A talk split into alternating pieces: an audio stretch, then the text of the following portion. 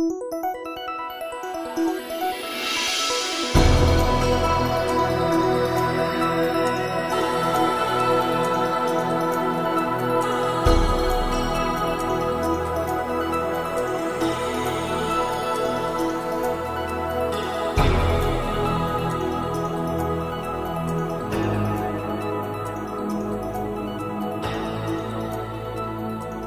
Сайн байцгаана өрхөм сонсогчдоо Eagle Radio 91.1-ийн радио жиргэн нэвтрүүлгийн энэ удаагийн дугаараас сонсогч та бүхэнд хүрэхэд бэлэн боллоо. Тэгээд өнөөдрийн нэвтрүүлгийг уламжлал ёсоор сэтгүүлч Наран Төгс Гамбаяр нар хөтлөн явуулах болно. Тэгэхээр Twitter жиргээ ямар шүү сэтгэлүүд хөөрж байна гэдэг дээр бас сонин содон мэдээлэлээс за эрхэм сонсогч та бүхэнтэй хуваалцахаар бид хоёроос цөөнгүй эдэн жиргээг бол онцолж байна. За миний хувьд бол шууд би яриа явуучих уу. Тэг тэг. Тэгээ миний хувьд бол өнөөдөр энэ их хурлын гишүүн бас наран туяагийн жиргэг би онцлоё гэж бодлоо. Өчтөр бүгд амт намын дарга жаргал сайхан манайхан бол буян жагаа гэж хэлдэг. За нэг нь телевизийн ярилцлаганд орох үеэрээ за тэр бол албан ёсны ярилцлага байгаагүй. Ярилцлагын урд бичлэг дээрээ бол за их хурлын гишүүн Анаужинг бол бас нэлээд ёс бос үг хэллэг хэрэглэх шиг бол хэрэгжилж одоо муухай үгээр дайрлаа. Нөгөө талдаа эмгтээчүүд рүү хандсан ерөнхийдөө бол нэг тийм гаж одоо ёс бос үг хэллэгүүдийг ашигласан, хэлсэн, ярьсан, гутаанд оромжилсан ийм үйлдэл гаргасан.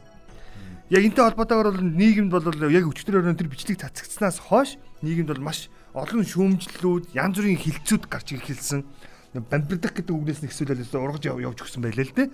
За одоо бол тэр үгийн яриад яг. Тэгээд нарны өгшин басан бол юу гэж жиргсэн бэ гэхээр за эмгтэй сэтгүүлчдээсээ хүсгэд энэ хүний хизээч ярилцлаганда дахин ч өөрөхгүй байх цаашдаа эмгтээчүүдийг дорд үздэг иймэрхүү бүтүүлэг үг хэллэгтэй хүн тааруул студиэсээ шууд хөөгд гаргаж байгаа ч гэсэн.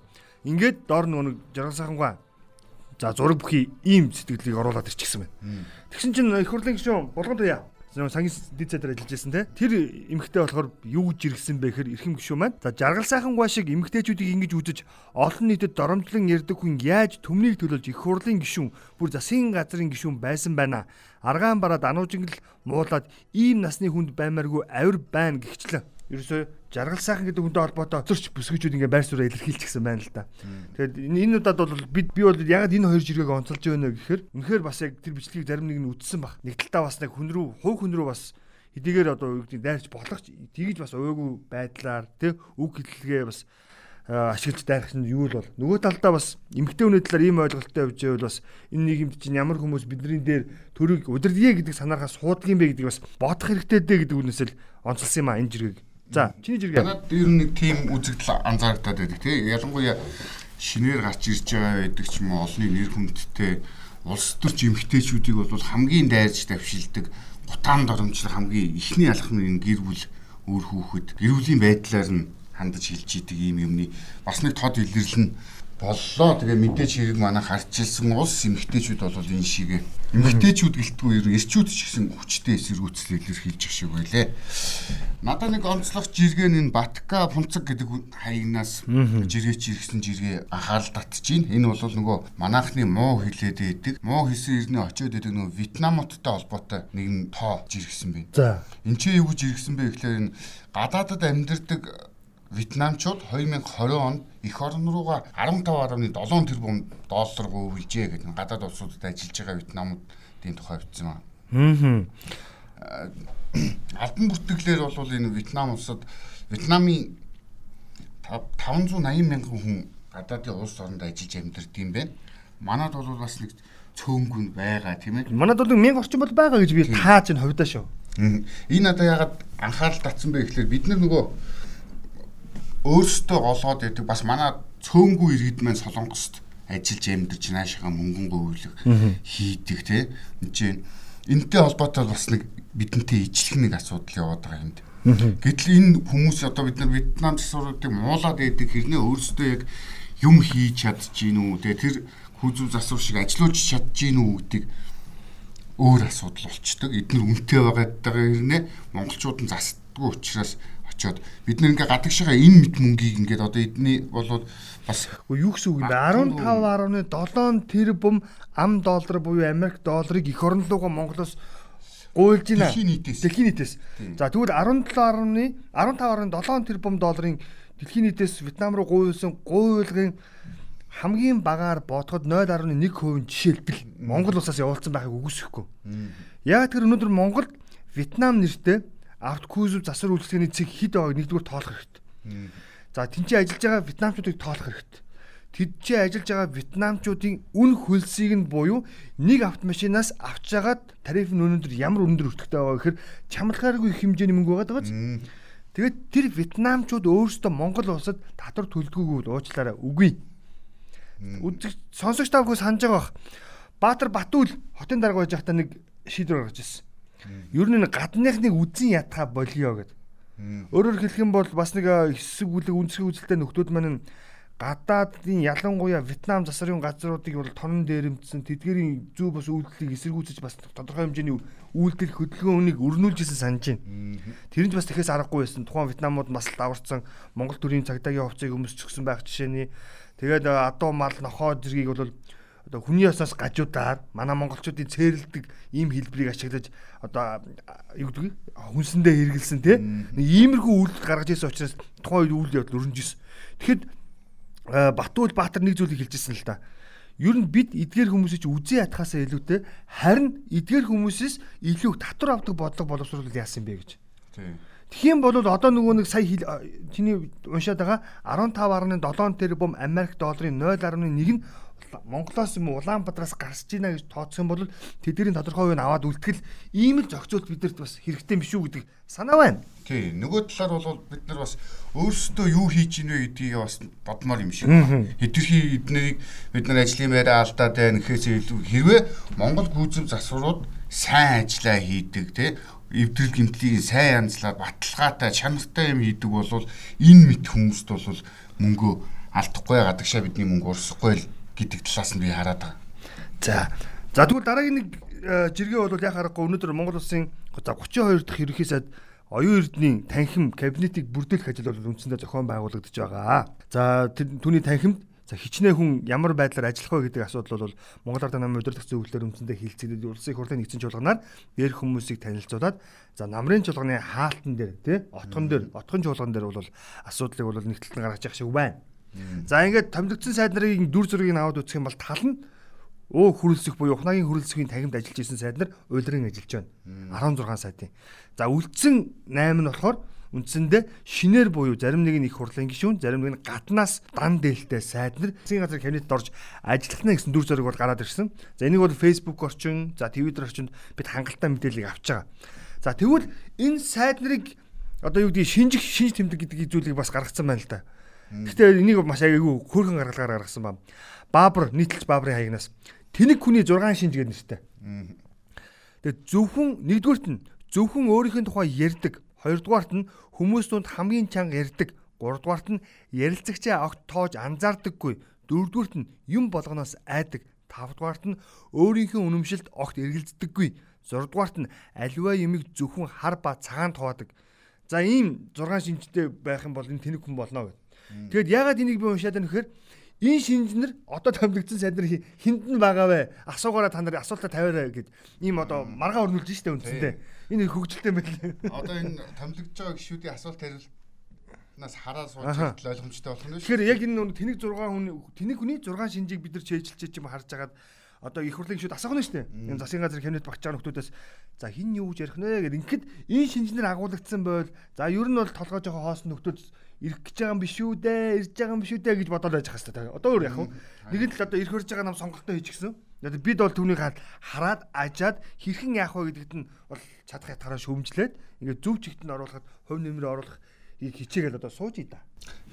Энэ талаар таяр баяр гэдэг жиргээч бас за товчхон үгээр цөөн үгээр чухамгүй үннийг гэдэг шиг хэлсэн байсан. Тэр нь юу вэ гэхээр оюуг шиг сул бэрсийг нямка шиг хамдаг тэргээр хамгаалах нь зөв нүүдэл болсон гэдэг. Нөгөө хөөцөөс хайд байсан улсын хурлын гишүүн асан засгийн газрын тий хэрэг хэрэглэх газрын дараагаар буюу ерөнхий сайдын өмнө ажиллаж исэн энэ албан тушаал дээр орж ирж байгаа гэдэг энэ мэдээллийн дагуу жиргсэн байгаа. Тэгэхээр энэ хамгийн гол засгийн газрын хэрэг хэрэглэх газрын даргын эрхлэх асуудал бол мэдээж хэрэг оюу толгойн гэрээ энийг тойрсон асуудлууд байгаа.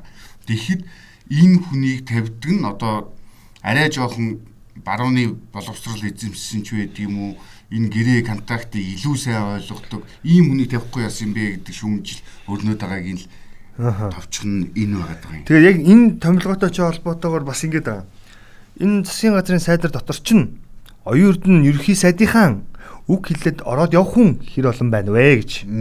Магадгүй тэдгээр хүмүүс нь өвөнд нь орохгүй байх магадлал өндөр байх болвол нэмд орж гэдэг нөө хуучин бууны уурхагаа өөдөөс нь тавих баха эднэр гисэн ийм бас хилцүүлгүүд надад орж өрнжилээ. Мэдээж тий. Одоо ялангуяа энэ ерөнхийлөгчтэй холбоотой энэ хүмүүсийн засгийн газар хоорондын маргаануудыг бол энэ хүн нэлээд сайн зэгцэж явах баг. Тийм ээ. За энэ тэр хооронд би нэг гинэ жиргэн завсаар бас бусад жиргээ хэлж яах вэ? За тий. За ингэж байгаа. Аа энэ өнөөдөр бол улсын их хурлын гишүүн гам сайн хүүхэн Ганбаатар өсгөлөнгөө зогсоосон.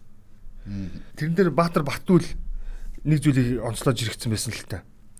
Оюу толгоон хараал тэнцүү ерөнхийлөгч Ганбаатар дээр нэмэх нь эдийн засгийн сүрэл гэж жирэгчсэн. Энэний дор бол маш олон сэтгэлдүүд хөөрж байгаа. Тэгээ энэ ямар агуулгатай юу яриад байна гэдгсэн чинь за үндсэндээ бол энэ оюу толгой гэдэг асуудал бол энэ хаврын улс төрийн гол сэдв болчлаа. Монгол улсын ерөнхийлөгчийн ээлж сонгуул бол 6 сарын 7-нд болно гэсэн үндсэн товтой явж байгаа. За энэ сонгуулаар яригдах гол юм ерөөсөө энэ оюутлогоо аятайхан болгож чадах юм бол үндсэндээ ерөнхийлөгч сонгуульд ялт байгуулнаа. За харин эдийн засгч өөрөө ямар амир байгаа вэ гэдгийг бодооч гэдэг агуулгатай ийм жиргээ ороод ирчихсэн явж л. Энийг бас учир мэдэх хүмүүс нь доор янз бүрийн байдлаар сэтгэлээ битсэн байсан. Тэгээд манай твиттерчд маань за твиттер орчинд өөрсдийнх нь санал бодол үзэл бодлоо илэрхийлдэг хүмүүс нь ороод уншаад бас нэлээдгүй мэдээлэл олоод авах. Бид хоёроо асуудлыг нэгтэлтэн гаргаж улс төржүүлэхгүй зүгээр ингэсэн байх шүү л гэж хэлээд өнгөрч байгаа шүү. Тийм нэгтээ ер нь сонсогчд маань ч гэсэн тий оюу толгойн гэрээг шүмжлэх юм уу эсвэл бол хин нэгнийг аялдан дагахаас илүүтэй нэгтэл эн чинь бидний хуваа хүртээд явж байгаа ийм том гэрээ юм чинь өөрөөсөө нэг уншаад үзчихээсэ гэдгийг зөвлөмөр байна. За засгийн газрын бүрэлдэхүүн ярьсан дээр би нэг жижигхэн мэдээлэл ярьчих. Энэ анхаа гэдэг нэг нэлээд идэвхтэй жиргдэг нөхрөөд тэр нөхөр бас номин гэдэг чинь чулууны нэр номин чинь чулуун гэж жиргсэн байна. Энэ ямар агуулгатай вэ? Засгийн газрын бүрэлдэхүүн энэ удаад бол за үзэгч олон ялангуяа телевиз үзэгч олон бол маш сайн мэддэг. Ижтийн Монгол телевизийн гүйцэтгэх захирал номин гэж нөө гат зуртын чин бат гэх эрхмийн уугаа охин тийм ээ Тийм билүү. Энэ бүсгийг бол ерөнхийдөө соёлын сайдаар томилох ийм асуудал яригадаад үндсэндээ бол нэр ус нь бол үндсэндээ эрх баригч нарын за дэмжлэг аваад явчихсан ийм зүйл байгаад идэг. Тэгвэл юу гэдгийг чулуун сайдын оронд ажиллах хүн бол энэ эмхтэй юм байна. Тэгэхдээ энэ хоёр чинь үндсэндээ бол нэг л агуулга юм биш үү гэсэн санааг илэрхийлсэн байлээ. Магадгүй манай Монголд бол соёлын тодорхой хэмжээний хувьсгалт, соёлын шинжилэл, олон улсад Монгол улсыг соёлоор сурталчлах гэдэг асуудал яг хараагүй маш том өмнө тавьсан зорилтын нэг болчихсон ба. Ерхий сайд оюун эрдэнэ гэсэн улсын их хурлын ээлж сонгуульд нэр дэвшиж явах үеэр Монгол улсад 400 сая жуулчныг оруулж ирэх бүрэн боломжтой гэдэг зүйлийг ярьчихсан, нэгэнтээ амлчихсан. Энэ ч үднээсээ магадгүй нөгөө талдаа нөгөө нэг соёлын бодлогоо хөгжүүлэх гэдэг За бүр цаашлаад ярих юм бол Монгол улсын ерөнхийлөгч Алтмаагийн Батулга гэдэг хүн бол энэ соёл урлагийн татын мэдрэмж тун өндөртэй. Энэ ч үүднээсээ Хэро гих тодголтой студийн Баатар найруулагчтай бол за өнгөрсөн жилийн үндэсний баяр наадмыг бол анх удаа за үндсэндээ бичсэн форматаар буюу тусгаалan бэлтгэсэн Монгол наадам контентыг за үзэгч олонд бол дэлхийн нийтэд харуулж чадсан. Мэдээч хэрэг тэр бол контент бол маш сайхан бахархан бардамнах маш гоё тийм үйл явдал болсон аливаа юм сайн муу хоёр талтай байдаг. Гэхдээ сайн тэр контентын тал дийлж ирсэн. Тэгвэл магадгүй энэ номин гэдэг бүсгүй энэ салбар руу за толгойлол яг гэдэг нь арталтай ийм санаа байгаа хаа гэдэг үднээсээ энэ жиргээ бол ороод ирчихсэн байлээ. Тэгээд соёлын товтлогоо хийх үднээс энэ үнийг санал болгож хийж болох юм. Тийм. Тэгээд тийм учраас харин номин гэдэг чинь чулуу чулууны нэр чинь одоо номин номин чинь өөрөө чулуун гэсэн үг ээ гэдэг. Өөрөөр хэлэх юм бол хүний сольж байгаа биш боловч одоо бодлогч бодлого нь үндсэндээ хിവэр явах юм шүү гэдэг санааг илэрхийлсэн юм байна гэж харсан да. Аа. Өөр бас нэг э, сонирхолтой мэдээлэл нэг хүн жиргсэн байна. За. Энэ юм бэ гэхлээр лавсүрэн гэдэг жиргээч иргсэн байгаа. Таван богдоос хідэн ланд зарагдсан мэдээ бол манай эдийн засгийн том инфографикийн мэдээ юм аа гэж жиргсэн байгаа. Энэ өнгөрсөн он таван богд компани энэ бол хэн нэгэн компанийг буруутгах гээгүй ямар нэгэн компани а зөвхөн бидний худалдаа авалт ямар байна вэ гэдгийг л харуулдаг байгаа. энэ тэгээ статистик мэдээнээс ингээд зургийг тавьчихсан. Тэр зурган дээрээс харах юм бол дөнгөж он гараад ингээд э, одоо сар 28 он чинь тийм ээ. Тэгэхэд энэ хугацаанд 85 Land Cruiser автомашин 200 машин борлогдсон байх жишээ нэ. Өнгөрсөн онд гэхэд 990 ширхэг машин борлогдсон байх жишээ нэ. Бид нөгөө эдийн засаг хүнд байна, хүнд байна, маш хүнд байдалд орлоо гэд ингээд байнга ингэдэг мөртлөө хэрэглээ нь юм өндөр те. Аа. Тансаг хэрэглээ өндөр байна шүү дээ. Хэрэглээ өндөртэй. Тэгэхээр яг энэ юуг харж хагаад жиргэг харж хагаад гэрлээ гэдэг хүн жиргсэн байгаа юм л. 3500 доллар долларын хоосон цүнх барьж явснаас 15 доллараар цүнх аваад 3500 доллартай 15 15 долларын цүнхийг илүүд үзээч ээ. санаагаар жиргсэн байгаа.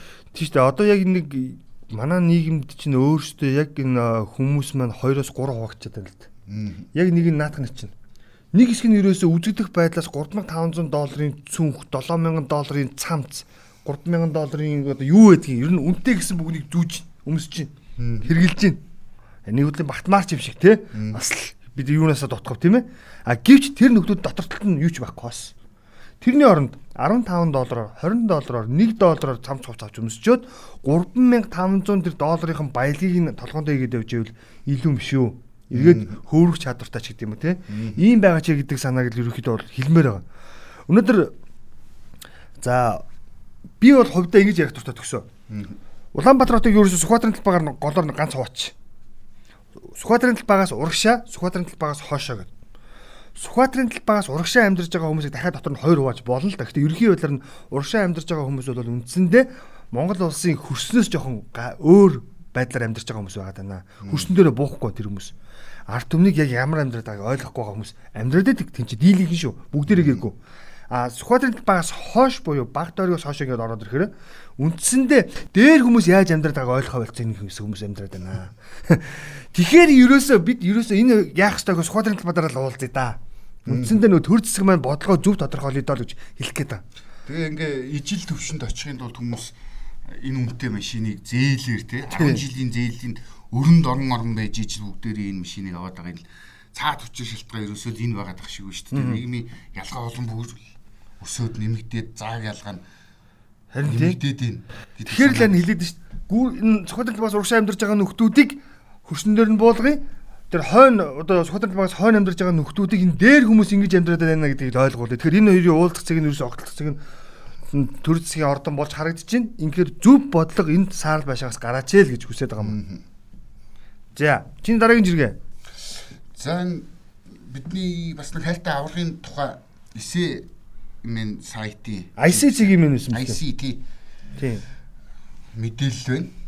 Авраг энэ халдвар хамгааллын дэглэмийн зөрчил 20-той байсан замаар явж байгаа баригдсан гэд мэдээлж ирсэн тий сайтуудаар аль аврагыг хэлээд байна. Сүхбат авраг. Аа за аль нэг агван самдангийн юм. Аа за за за тий тий. Хөдөө очиод нэг хоригдсон гэдэг нэг яриад шуугаад байсан шүү. Тэгээ аврагын нөгөө тусгаалтын хугацаанд дууссан юм байна өнөөдөр. Тэгээ нөгөө Land Cruiser машиныг нь улсын орлого болно гэжсэн бол шүүхээс ямар ч байсан аваагүй 500 мянган төгрөгөөр буюу 501-жээр торгоод шийтгэл ногдуулсан гэдэг ингэж чинь тэгээд аль болох энэ жиргээ хүрэгдийн учир нь одоо удахгүй бас хөл хорой тогтооно гэдэг байгаа. Тэгээд сар шинийн баяртай холбоотойгоор халдвар хамгааллын дэглэмийг барих үүднээс тэр үеэр ингэж бити аав ээжтэй бид нар амьд сэрүүн байж байгаа эрүүл сарвал байж байгаа нөхцөлд бол дараа нь очиод золгож болно. Аль болох гэртээ байж халдвар хамгааллын дигмээ бариарэ. Тий. Яг наатантай холбоотой мэдээллийг өдөр бас би юун дээрээс одоо харчваа. Ер нь халдвар хамгааллын дэглэмээ сайтар баримтлах нөгөө талдаа энэ зорчих хөдөлгөөнд ялангуяа хот хооронд явчихсан болвол тийм ээ гэрээрээ өөрөө өөрөө тусгаарлах 14 оны дэглэмээ сайтар мөрдөөчл гэдэг юм бэл. Сая чинь ерөөхдөө Улаанбаатар хотоос бусад газрууд бол бол үндсэндээ хомчгсон бүгд баг ногоорчлоо гэдэг зүйлийг ярьж ирсэн шүү дээ. Гэтэл хоёр өдрийн өмнөөс эхлээд буцаад зарим аймагуд гарч ирсэн тухай юм таагүй мэдээлүүд. Нөгөө нэг гайхагдаад байсан Дархан улаан аймагт мань асуудал бас яригадад эхэлчихсэн. Тэр юунтай холбоотой вэ гэхээр нөө хотод байгаа орон нутгийн иргэд маань үгүй би гэртээ арих бол болохгүй байна гэж өдөр шинэ гомдол тавьсараад арай хийгээд явдаг. Очихдоо өөрөө халдвар тэгч бол очсон байгаа. Нэг ийм дүр зураг байгаад байгаа учраас ямар ч нөхцөл та өөрөө тусаагүй байсан ч гэсэн та халдвар тэгч бодоод явчих магадaltaй учраас тэр халдвар хамгааллын дэглэм гэрийн оройны 14 хоногоо нөгөө нэг корона гэдэг муухай вирусаа үхтэл гэртээ байгаа чээл гэж хэлээд байгаа юм л да. Тэр нөгөө Ховд аймгийн жишээ бол яг наадахны чинь тод хэлэлэн болоод байна тий. Хавдар авсан халдвар авсан хүн яваад очсон. Тэгээ автобусаар нь тусгаарлаад наашаа буцаад нийслэл рүү онгоцоор онгоцоор авдирсан шүү. Авдирч чинь тий. Дайм болоод байгаа мүү гэж жиргэж шогсон маягаар жиргсэн байлээ. Нүү нэг хасын гаа хойг гэж үүдэг тий. Гаа хойг чи хутагт хаягнаас жиргдэг. Банкуд нээлттэй хувьцаат компанид бол хууль батлагдчихсан гэсэн үг үгээд. Тэрээр за тогмдын дорж ханд гишүүний жиргэн дээр ингэж бичсэн байна. Дор шанах шиг юу гэсэн бэ гэхээр за банкны тухай хуулийн өөрчлөлт дэмжигдлээ. Санхүү банкны чиглэлийн нэлээд ажлын хэсэгт орлоо. Банкуудын хувьд шинжилгээг эрүүлэр хүлээн авч байгаа шиг байна. Ямар тач үеэ өнгөрөөсөн гэр бүлийн банкны тогтолцоог халж биржид бүртгэлтэй зөв засаглалтаа олон нийтийн банкуд үүсгэнэ гэдэг. Энийг нэг би бол гүйцэд сан ухаж ойлгохгүй. А миний авч байгаа мэдээлэлээс аваад үзэх юм бол ерөөхдөө тухайн банкнда ямар нэгэн байдлаар хадгаламж эзэмшдэг иргэд тухайн банкнаас хувьцааг нь худалдаж авч болох ийм давуу байдал үүснэ. Нөгөө талдаа за тухайн иргэн за тухайн банкны одоо юу гэдгийг зарлагдсан тодорхой хувийг хөрөнгөний бирж дээрээс хувьцааг нь худалдаж авч болно. Хувьцаагаа эргүүлээд барьцаа тавьж хөрөнгө босгож болно гэсэн ийм ерхий ойлголтыг би энэ хуулийн дээрээс харсан ойлгосон. Гэхдээ нөгөө талдаа одоо банк бол мэдээж хувийн өмч байж байгаа тий. Тэгээ өөрсдийг нөгөө нэг хитрхи баг шал өндөр шалгуур тавиад одоо хувьцаагаа зар гэдэг ч юм уу тулгсан манайхан чинь байс хийгээл нэг юм банкны систем бол үүсэ маш имзэг салбар. Тэгэхээр байс хийгээл энэ банкуд руу нэг ямар нэгэн байдлаар хууль эрх зүйн орчноор нь ч байдаг юм ингээд гард дүрх гээд ингээд байдгийг нэг илэрлэн одоо энэ хэдхэн жилийн дотор хэдэн банк дампуурсан гэдэг байгаа тийм ихэнхдээ дандаа төрийн оролцоотой болсон юмнууд болоод байдаг. Тийм болохоор бас хитрхи яарал даарна гэдэг шиг энэ асуудалд хандаж болохгүй хаа тэгээд сайн судлаасай салбарын хүмүүсүүдийг хамруулаасай л гэж тэгээд чиний хэлж байгаа дээр бол нэг зүйл байгаа юм л да. Яг хуу яг төр өөрөө нөгөө нэг альч засгийн үед нэг банкыг огцруулдаг биш нэг банкыг дампууруулдаг үе таалга нь хаадаг нэг юм жишээ тогтчихлоо шүү дээ. Нөгөө нэг 90-д оноос хойш ерөөхдөө ийм дүр зэрэг яваад байна. Одоо бол хамгийн эмзэг байгаа нь капитал банк байгаа нөө За ингээд түүний өмнөх засгийн газрын үед бас нэр нэр бүхий банкуудыг бол ерөөхдөө хумих нэгтгэх ажил бол яригдсан. Тэгвэл энэ засгийн үед магадгүй энэ банкны хуулиар далимжуулж нөгөө арилжааны за зарим нэг банкуудыг нэгтгэх гэсэн тодорхой хэмжээнд актив хөрөнгөний өсгөх замаар гэдэг те. Ийм л нэг бас нэг тийм бодлоо л орчуу гэж би хувьдаа хардаад байгаа. Гэтэ энэ асуудал бол эдийн засгчнаар илүү сайн тоон мэдж байгаа учраас сайн бодсон баг. Хоёр дээр хоёрыг нэмэхээр тав гаргаж байгаа хүмүүс ямар нэгэн байдлаар дөрв биш тав гаргаж байгаа учраас тэр хүмүүс бол нэгийг бодож хоёрыг тунгаасан бизээ. Тэгээ энэ асуудал илүү ирэх өдрөд тодорхой болох бахаа л гэж бас харж байна. За чиний. За дараагийн жиргээ болохоор бас л энэ энийг бүр өдөр болгон сануулад байгаа баймар юм шиг санагдаад байна надаа. Эдрүүгэн жиргсэн байсан агаарын бохирдлын тухай статистик мэдээ. За. Энэ дээр болохоор одоо ингээ харж яхад та багасчаад байна гэдэг тэгсэн чинь хөхрлөг хийн ойролцоогоор 3 дахин Азотын давхар эсэл нь 2.1 дахин. PM тоосонцор нь 305 микрограмм метр кубд байсан бол 488 бол. Нүүрс төрөгчийн дутуу эсэл нь бас 3 дахин өссөн. Ийм айхтар үзүүлэлтүүд ингээ яваад байна л. Тэгээ хамгийн гол нь энэ ч бид нар нэг юуг сануулах гэдэг вэ гэхээр биднес бодиттой мэдээллийг өгөхгүй байгаа мó гэж харддаг гэдэг. Яг үнэн оновчтой Зүгээр улс төрийн зорилгоор ашиглаад нөгөө сөрөг хүчнүүдийнх нь тоглолт хийхгүй гэдэг үднээс эрхвэрэгчд маань энэ яг бод тоог хийхгүй байгаад байдаг. Ингээгээрээ юу ямар үрдэнд хүрэх вэ гэхлээр бид нар хэрвээ энэ та үнэхээр их байгаад одоо нүдэнд харагдах нь багасцсан ч гэсэн ийм өндөр үзүүлэлтээр ингэж нэмэгдээд байгаа бол адаглаад үр хүүхэдтэй өөрсдөндөө анхаарал тавьж чаддгүй энэ хүмүүсүүдийг хамгаалах боломжийг нь олгохын тулд бодит мэдээлэл илүү тавиач тий улс төрчхөөсөө илүү гэж хэлэх гээд байгаа. Яг наадхан дээр чинь бол ярьсан шүү дээ. Өнгөрсөн 7 хоногт улсын хурал дээр холбогдох нөгөө агаарын бохирдлын дид хороо хуралдаж ирсэн. Энэ үеэр за одоо байгаль орчин аялал жуулчлалын сайдын үүрэг гүйцэтгэх саран гэрлэг зүйлийг хэлсэн. Бид бол өнгөрсөн хугацаанд нэг 77 орчим тэрбум төгрөгийг үндсэндээ нагаарын бохирдлыг бууруулах зарцуулжээ. Тэгээ ягаад энэ одоо энэ өнгөрсөн 12 сар 1 сар чинь одоо өнгөрч байгаа 1 сар чинь амар утаатай байгаа юм байна. Хүмүүсийн толгой дарах хөвдөөд штэ гэдээ асуусан чинь. Үгүй харин ийм юм болсон юм а. Уг нь 77 тэрбумыг зарцуулсан. Та салхи бага байлаа гэж хариулчихсан. Энэ үнэхээр одоо бас энэ салбарыг толгоолж байгаа хүний амнаас ийм үг унжина гэдэг үнэхээр харамсалтай. Ийм том өндөр албан тушаалтнаас хоёр дахь удаа болж байна тийм. Өмнө нь суувад тулд тийм дарга байх үед Сундан Батулд тий. бас яг ийм Батүл Баатрихаас илүү их цас орсон гэдэг нэг. тий. Батул Баатрыг байхад 2 удаа орсон, намайг хотын дарга болсон чинь 5 удаа болоод 7 удаа цас орсон штэ гэж гоншгонж ирсэн тийм үү? Яг тэрнтэй агаар нэг утгаар үр гүс цайдын үр гүсдэг сарын гэрэл юу гэж хэлсэн бэ гэхээр үгүй энэ салхи гараагүй маа. Бид ууг нь 77 тэрбумнөр зарцуулсан. Даач салхи гараагүй тэгээд утаатай байгаа гэж хэлээдсэн. Тэгсэн чинь нөгөө нэг агарын бохирдлын эсрэг ажил хороодаг түүний нарийн бичгийн даргын тайлбар гараас нь гарч ирсэн л дээ. Яг 77 биш л дээ нэг 50 50 гаруй тэрбум төгрөгийг бол зарцуулаад байж байна. За 77 50 гаруй хоёрын хооронд за магадгүй нэг тийм юу гэдэг бодлого хэрэгжүүлэхэд бол том зөрөө байхгүй хайрцаг зарцуулагдах мөнгнүүд гэж харж байгаа. Гэхдээ яагаад энэ чиний хэлээд байгаа энэ хөхрлөг хийн агууламжийн тоо буухрахгүй байгаа юм бэ гэдгийг асуух гээд. Бид нэр хар өтгөн утаанаас салцсан байж бол Гэхдээ хүний биед хамгийн их сөрөг нөлөөлөл үзүүлдэг энэ хөхрлөг хийн агууламжийн хэмжээ яагаад буурахгүй байна? Хөхрлөг хийн агууламжийн хэмжээ өндөр байгаа нь өндөр өмнө бас хэлдэлээстэй зүрх судасны өвчлөлтийг үүсгэдэг. Нөгөө талдаа янз бүрийн халдварт өвчин тухайн хүн авах эрсдлийг нэмэгдүүлдэг гэдэг ийм эмнэлзүүн томилгоо томьёотой юм бэл. Ингээд аваад үзэх юм бол бид агаарын бохирдлынхаа эсрэг арай жоохон дүнгүр арга хэмжээ авчаач л гэж хэлэх гээд байгаа.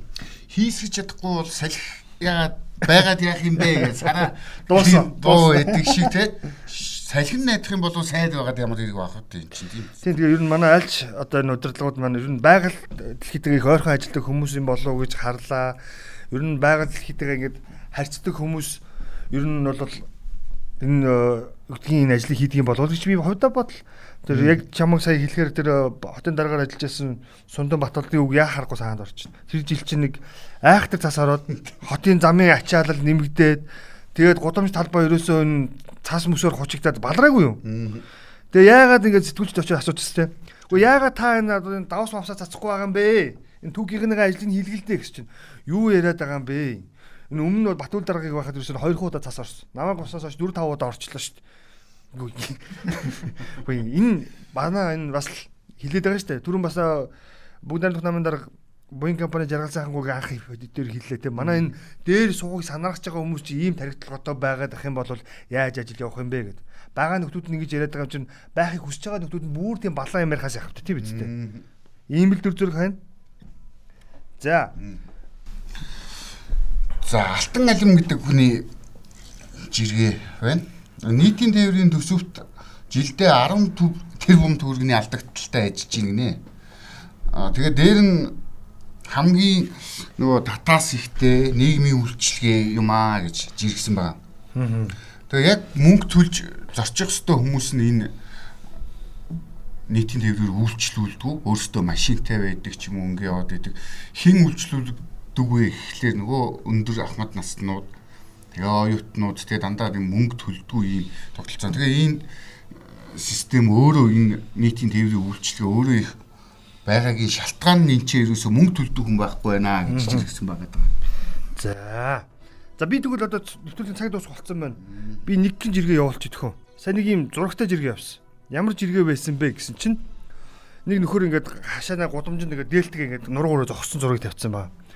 Яаж юу гэсэн чинь Ховд аймаг Улаанбаатар хотоос ирсэн с ิจ гтэй тохиолдлын иргэдээ багш нараар мануулж яана гинэ нөгөө нэг онцгойгын цагдаагийнх маань хайцсан бэ л гэж асуух гэдэг юм. Тэгээд аймаг орон нутаг байгаа боловсон хүчнийхэн нөөцнөр тодгуурлан ажиллаж байгаа юм болоо гэд. Нэвтрүүлгийн төгсгөл бас хөгжөлттэй байж болохыг Мага удахгүй бас манай радио жиргээ нэвтрүүлэг манай фэйсбүүкээр онлайн хэлбэрээр үзэж сонсогч та бүхэндээ бас хүрдэг болохоор төлөөлж байгаа. Мэдээж тодорхой хэмжээний техникийн тодорхой шинжилгээ ажлууд бол бага зэргийн цаг хугацаа шаарддаг. Ингээд ирэхээр одоо энэ үзүүлж байгаа ярьж байгаа жиргэнүүдэд зурагтай, хөрөгтэй, видеотанд бас эрхэм сонсогч та бүхэндээ бид бол хүрдэг байхын тулд ажиллаж байгаа шүү гэдгийг бас дахин сануулж хэлье. Твиттерийн жиргээчдийг 8 ангилнаа гэсэн энийг бас би нэг энэ дээр дээр Твиттерийн хүмүүсийг 8 ангилнаа. За. Эмо Эро, Мая, Орг, Содон, Солиотой хэрүүлж ухаалаг гэж наймаа ангилдаг гинэ. Тэгээ та бүхэн бид бүхэн сонирхолтой жиргээгээ хэлээрэй гэж.